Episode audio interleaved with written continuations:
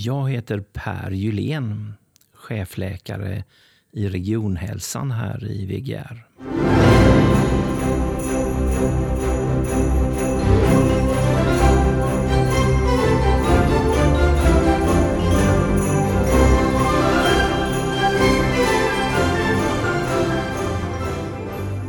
Vad innebär ditt arbete som chefläkare i regionhälsan? Jag är ju ganska ny på jobbet. Det är mitt första uppdrag som chefläkare.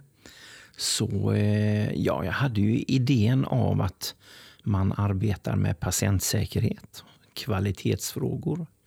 Men när jag började, då var det den 11 mars 2020. Och jag blev bara kastad in i pandemin.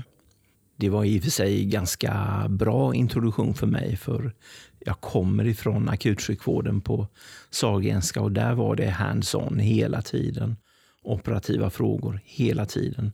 Och det, det är vad jag har gjort fram tills ja, pandemin började lugna ner sig. Så har jag arbetat väldigt operativt och det har varit mycket covidfrågor. Vad en chefläkare gör, då handlar det om där man ser en patientläkare mest. Det handlar om frågor när det i vården inte gått som det är tänkt. Situationer som borde tagit en annan väg. Där patienter i värsta fall blivit lidande eller skadade på något sätt.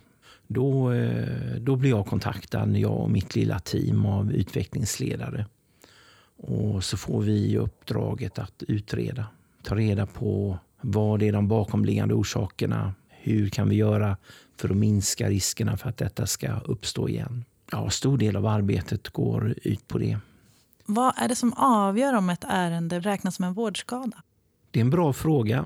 Den är både lätt och svår att besvara. Med vårdskada så definieras eh, det som hade kunnat undvikas. Hade det inte kunnat undvikas, då är det ingen vårdskada.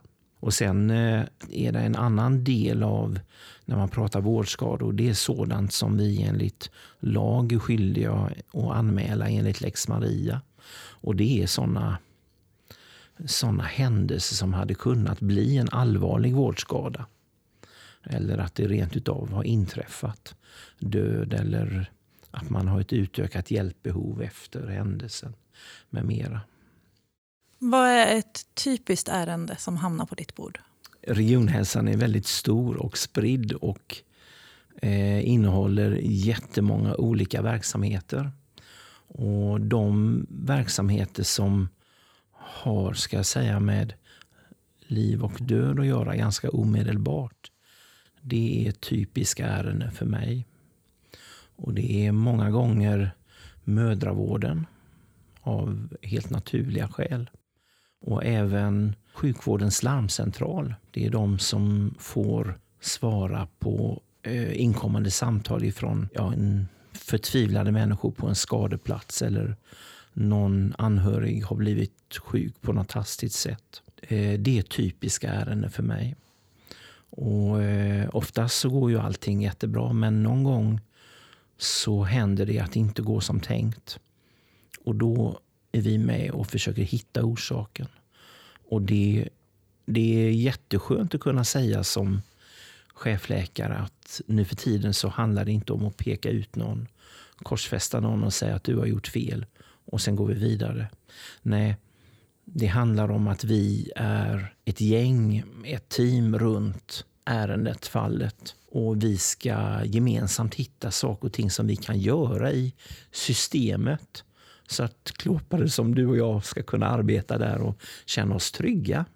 Alltså ändra på systemet så att vi förmår arbeta med det på ett tryggt sätt. Det är patientsäkerhet. Och det är väl min huvuduppgift när det gäller när det kommer till sådana ärenden.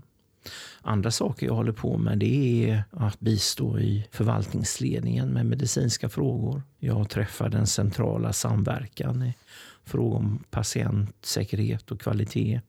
Och likaså styrelsen och presidiet. Vad kan jag göra mer? Vad gör jag mer? Jag tycker jag är inblandad i så mycket. Och varje dag att gå till jobbet är som en ny dag.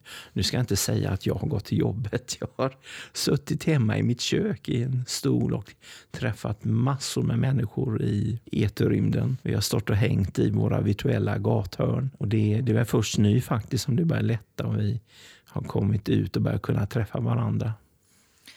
Hur tänker du att expertenheterna kan eh, bidra till patientsäkerhet och den medicinska kvaliteten?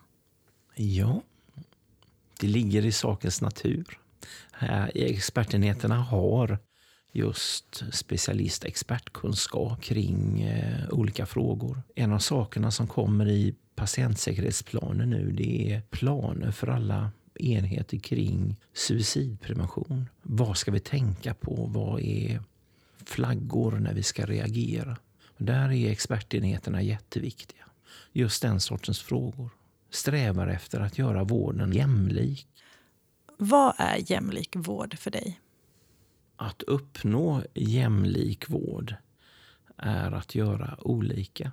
Och med det menar jag att det finns grupper i samhället som ja, de behöver oss egentligen inte. De har inget behov av våra allmänna resurser. Det går bra för dem i alla fall. Men det finns grupper i samhället som är utsatta på många sätt. För att de ska få samma vård som andra så behöver vi göra mer. Ja, men precis, för en gemensam nämnare för expertenheterna är att många arbetar just med särskilt utsatta grupper. Vad skulle du säga är det, det viktigaste när man tänker på de mest utsatta i samhället? Ja, de ska ha tillgång till våra allmänna resurser på samma sätt som folk som med lätthet har det, eller ska jag säga inte behöver det. Det går bra i alla fall. Det kanske är vår viktigaste fråga. Regionhälsan som sådan präglas av en enorm flexibilitet. Det har vi ju sett nu, inte minst under pandemin. Att vi kan med bara några penseldrag ställa om från både det ena och det andra. Och det är, det är roligt att vara en sån förvaltning som kan göra så. För då kan vi göra så för såna grupper också. Eh, SRHR-bussen är ett sånt jättebra exempel. Som chefläkare, har du något tips till andra vårdgivare? Jag skulle vilja att vi arbetade mer i enlighet med den nationella patientsäkerhetsplanen. Vi gör massor av patientsäkerhet i vårt dagliga arbete utan att tänka på det. Eh, så mitt mission, mitt uppdrag är verkligen att göra så att vi i verksamheterna arbetar med patientsäkerhet framför ögonen alltid.